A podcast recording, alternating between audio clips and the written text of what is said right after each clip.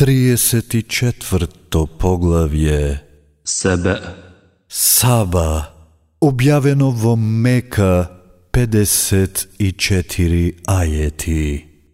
Аузу биллахи минаш шајтанир раджим Во името на Аллах смилосниот милостивиот. Благодарноста му припаѓа на Аллах чие е сето тоа на небесата и сето тоа на земјата. Благодарноста му припаѓа и на оној свет. Тој е мудар и сезнаен. Тој знае што влегува во земјата, а што излегува од неа, и што се спушта од небото, а што на него се искачува. Тој е милостив и простувач. А неверниците велат, часот на оживувањето нема да ни дојде. Кажи, ке дојде, се колнам во Господарот мој, кој го знае и тоа што е скриено, сигурно ке ви дојде. Нему не може ништо, ниту колку една ронка, ни на небесата, ни на земјата да му избега, и не постои ништо ни помало ни поголемо од тоа што не е во јасната книга, да ги награди тие што веруваат и што прават добри дела, нив ги чека прошка и благородно снабдување, а да ги казни со најболно страдање тие кои против доказите наши се борат, одвраќајки од нив. На тие на кои им е дадено знаење гледаат дека тоа што ти се објавува од Господарот Твој е вистина и дека води на патот на силниот и благодарниот, додека тие што не веруваат велат. Сакате ли да ви го покажеме човекот кој ви известува дека кога сосема ке се распаднете, на вистина повторно создадени ке бидете? Изнесува ли тој лаги за Аллах или е луд? Ниту едното, ниту другото, туку тие што не сакаат да веруваат во оној свет, намака ке бидат и во голема заблуда се. Како не ги гледаат небото и земјата, тоа што е пред нив и тоа што е под нив. Кога би сакале, во земја би ги втерале или парчиња небо над нив би струшиле.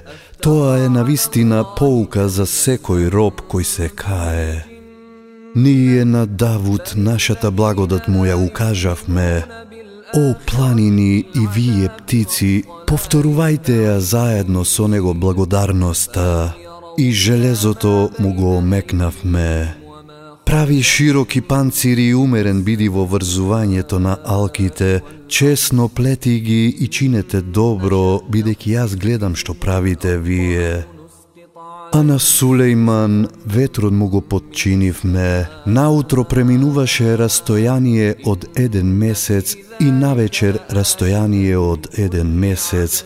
Историвме од изворите растопен бакар да му тече и джинните по волја на неговиот господар пред него да работат.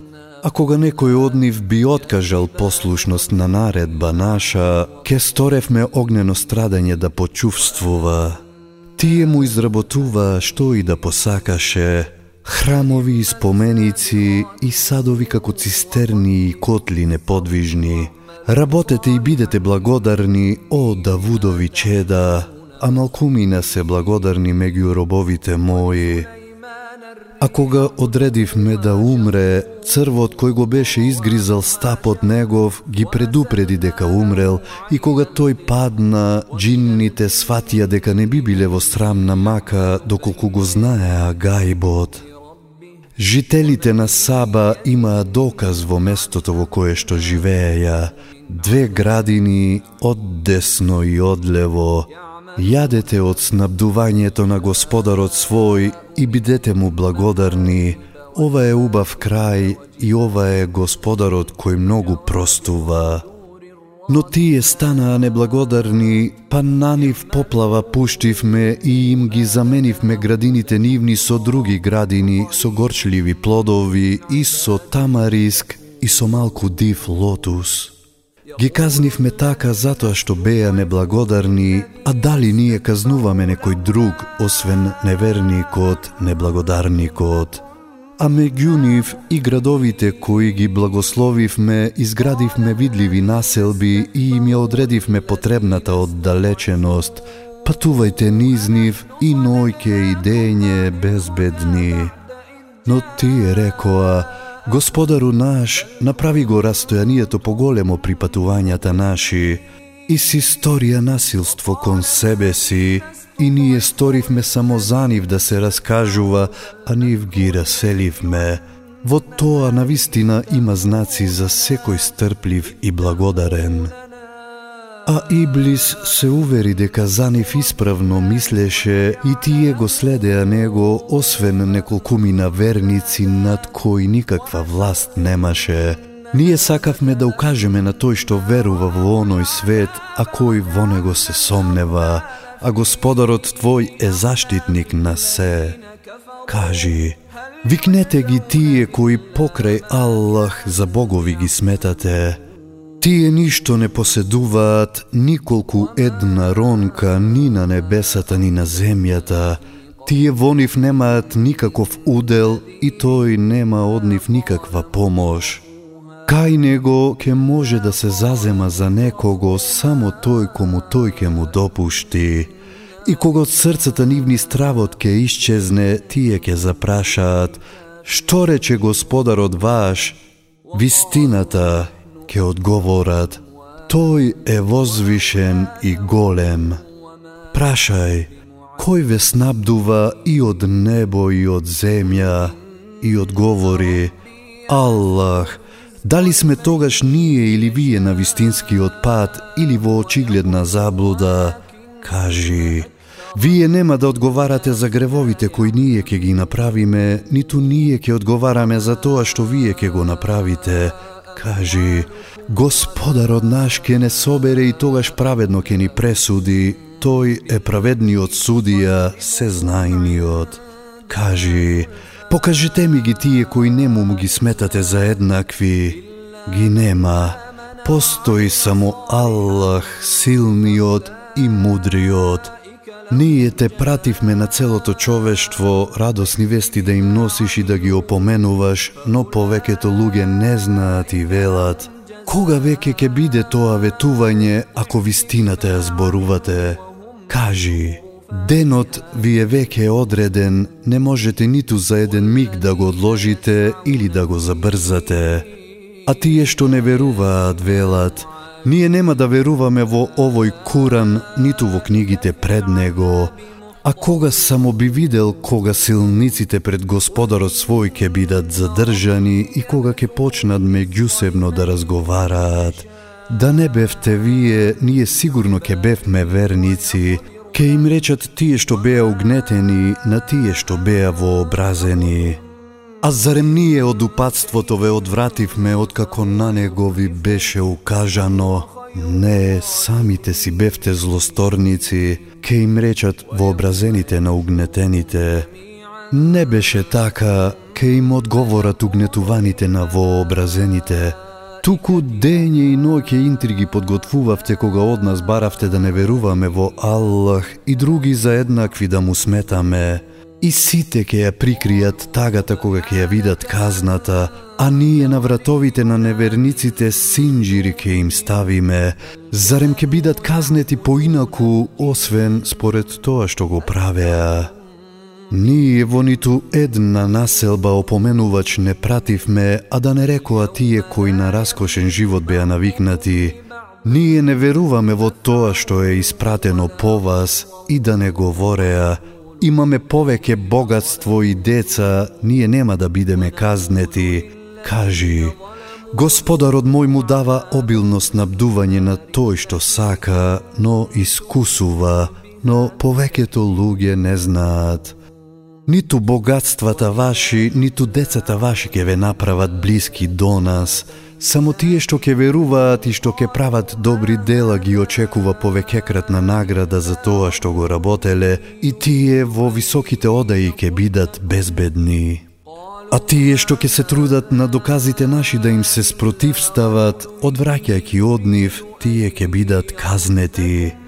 Кажи, Господарот мој дава обилно надоместување кому сака од робовите своји, а кому сака ускратува, што и да дадете, тој тоа ќе го надохнади, тој најдобро снабдува. А на денот кога сите ќе ги собере, памелеците ќе ги запраша, дали овие вас ве обожува, тие ќе одговорат, возвишен нека си, ти си господарот наш, а не тие.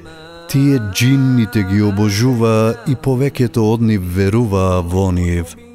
Тој ден едни на други нема да можете ниту да си користите, ниту да си наштетите, а ние на тие кои кон себе се огрешија ке им кажеме Вкусете го страдањето во огнот кој го негирате. Кога нашите јасни ајети им се кажуваат, тие велат Овој човек само сака да ве одврати од тоа што вашите предци го обожуваа и говорат Ова не е ништо друго, туку измислена лага, а тие што не веруваат кога им доаѓа вистината зборуваат, ова не е ништо друго, туку јасна магија. А ние не им дадовме никакви книги за да ги изучуваат и ние пред тебе не пративме некој кој би ги опоменувал. А и тие пред нив пратениците за лажни ги смета, а овие не постигнаа ни десетина од тоа што на тие им го дадовме, па сепак пратениците мои за лажни ги смета, и каква само беше казната моја. Кажи, јас ви советувам само едно, Станете искрено кон Аллах, двајца по двајца или еден по еден, па потоа размислете дека другарот ваш не е обседнат. Тој само ве опоменува пред тешкото страдање. Кажи, каква било награда да побарам од вас, нека ви остане вам. Мене Аллах ке ме награди, тој е сведок за се. Кажи, Господарот мој ја праќа вистината, тој е познавач на скриените нешта. Кажи, дојде вистината, а лагите исчезнаа. Кажи, ако заталкам, ке заталкам на своја штета, а ако сум на вистинскиот пат, тоа е поради тоа што Господарот мој ми го објавува, тој на вистина се слуша и блискуе. А само да ги видиш кога страв ке ги зафати, нема да можат да избегаат, одблизу ке бидат зграбчени и кога ке кажат веруваме во вистината, а од каква корис ке им биде кога животот на земјата беше и помина. Тие предходно не веруваа во неа, го зборуваа тоа што не е познато, што е далеко од вистината, и помеѓу нив и тоа што ќе го сакаат ќе биде поставена препрека како што предходно беше направено со на нив сличните, бидејќи сите тие на вистина многу се сомневаа. إنهم كانوا في شك مريب